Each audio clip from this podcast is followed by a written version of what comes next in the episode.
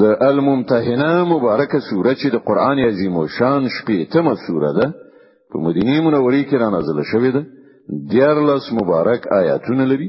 تلاوت او پښتو ترجمه یې لومړی آیات څخه اوري بسم الله الرحمن الرحیم د الله په نوم چې ډیر زیات مهربان پورا رحم لرونکی دی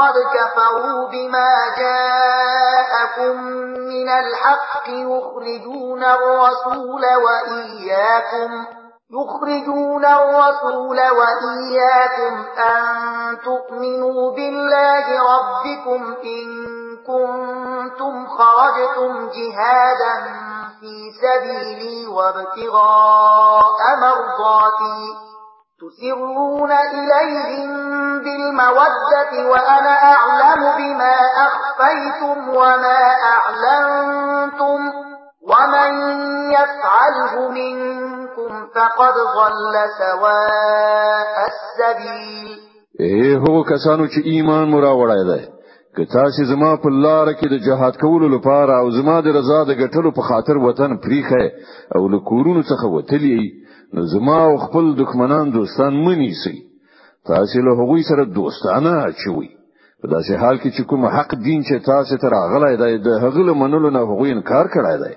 او د هغو چلن دا دی چې پیغمبر او په خپل تاسو صرف په دې ګناه له وطن څخه باسي چې تاسو په خپل پروردګار الله باندې ایمان راوړی دی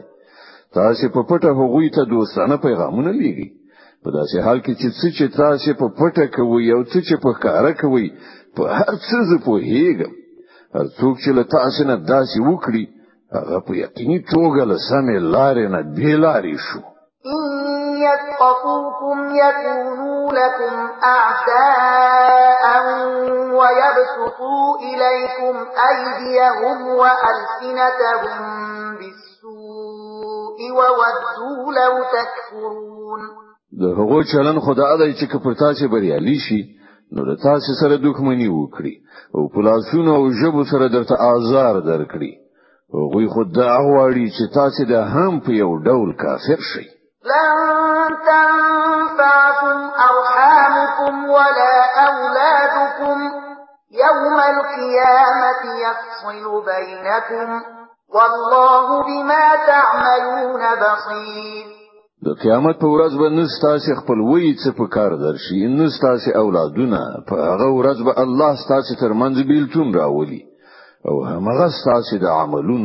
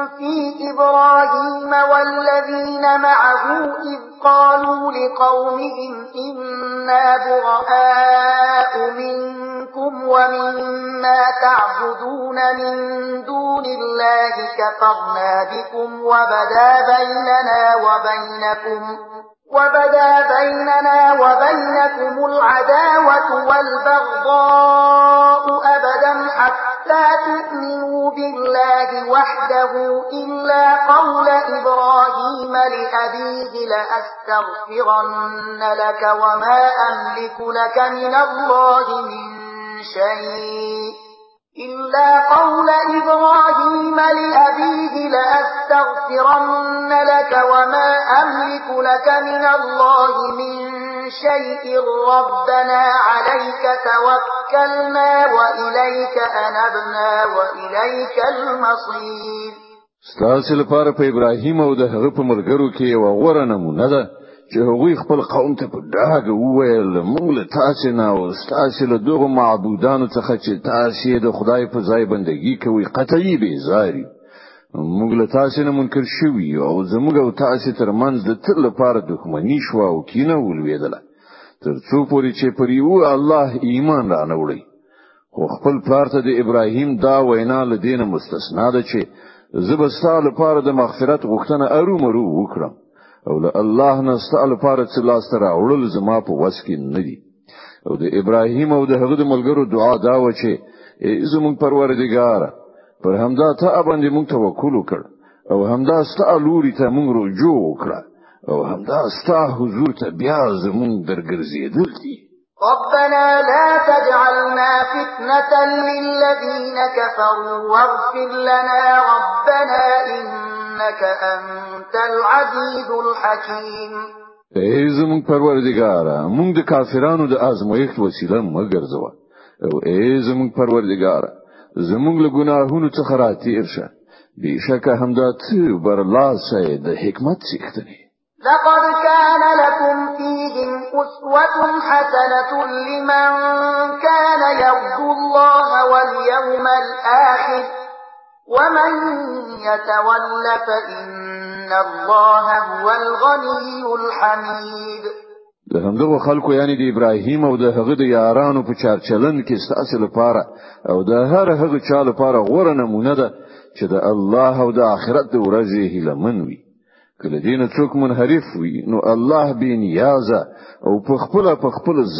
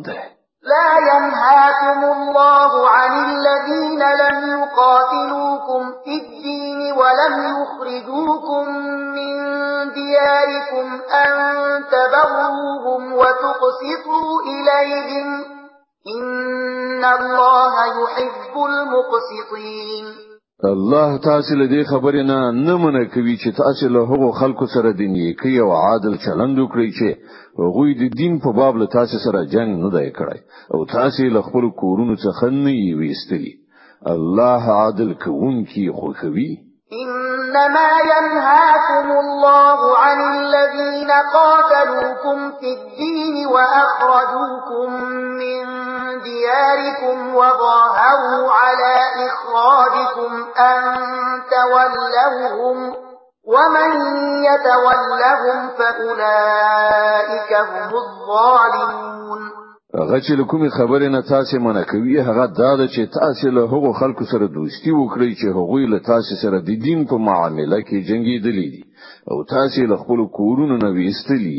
او تاسو په ویستلو کې یو د بل ملاتړ کړای دی له هغو سره چې کوم کسان دوستی وکړي هغوی ظالمان دي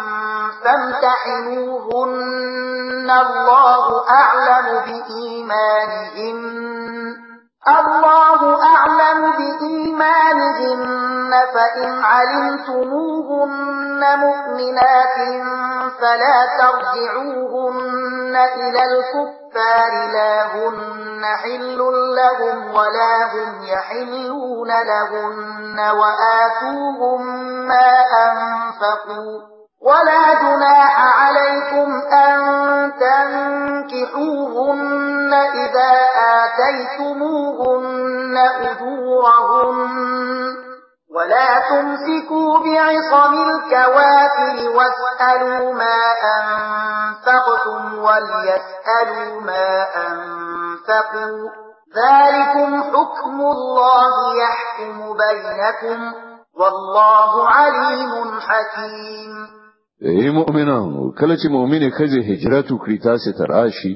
نو د هغو د مسلمانۍ تحقیق وکړي او د هغو د ایمان په حقیقت باندې الله ښه پوهیږي یا کله چې تاسو ته معلومه شي چې هغوی مؤمنی دي نو هغوی بیرته کافرانو ته مليږي نه هغوی د کافرانو لپاره روا دي او نه کافران د هغوی لپاره روا دي د هغو کافرو میړونو چې کوم مہر هغو ته ورکړی وو هغه هغو ته بیرته ورکړي او له هغه سره په نکاح کولو کې پر تاسو څه ګناه نشته کله چې تاسو د هغه مہر هغه ته ورکړي او تاسو په خپل هم کافرې خځې په خپل نکاح کې مساتي کوم مہر چې تاسو خپل کافرو میرمنو ته ورکړی وو هغه تاسو بیرته وغواړي او کوم مہر چې کافرانو خپل میرمنو ته ورکړی وو هغه دې هغه بیرته وغواړي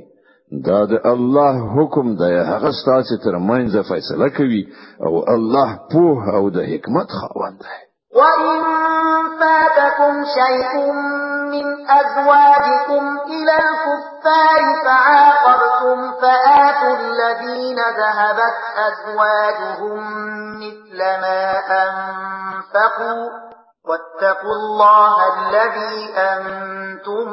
به مؤمنون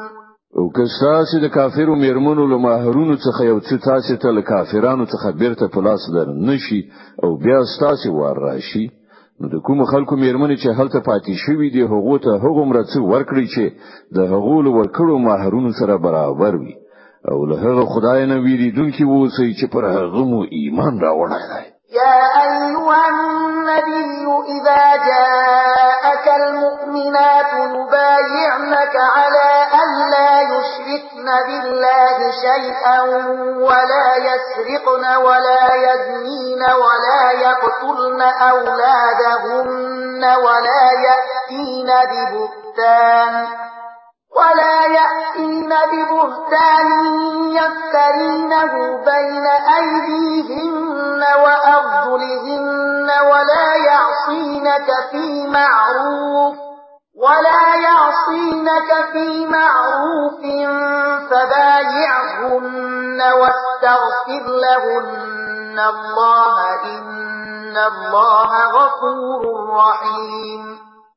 ای پیغمبر کله چې تا ته مؤمنه خزي د بیات کولو لپاره راشي او د دې خبرې وعده وکړي چې هغوی بل الله سره کوم شی نه شریکوي غلا به نه کوي زنا به نه کوي خپل اولاد به نه وجني د خپل لاسونو په کو په وړاندې به کوم بهتان جوړ کړي نه راوړي یعنی هغه ماشوم د خپل میړه ته نه منسوبوي چې په نامشروع توګه له بل چا څخه زیږولې وي او په کوم معروف کار کې بستانه فرمانی نه کوي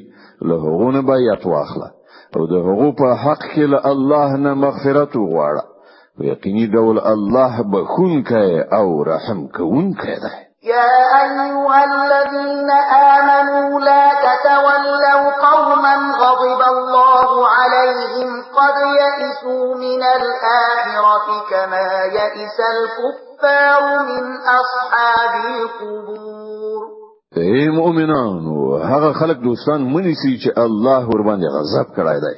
چې له آخرت نه داسې نا امید دي لکه څنګه چې په قبرونو کې پراته کافران نا امید دي د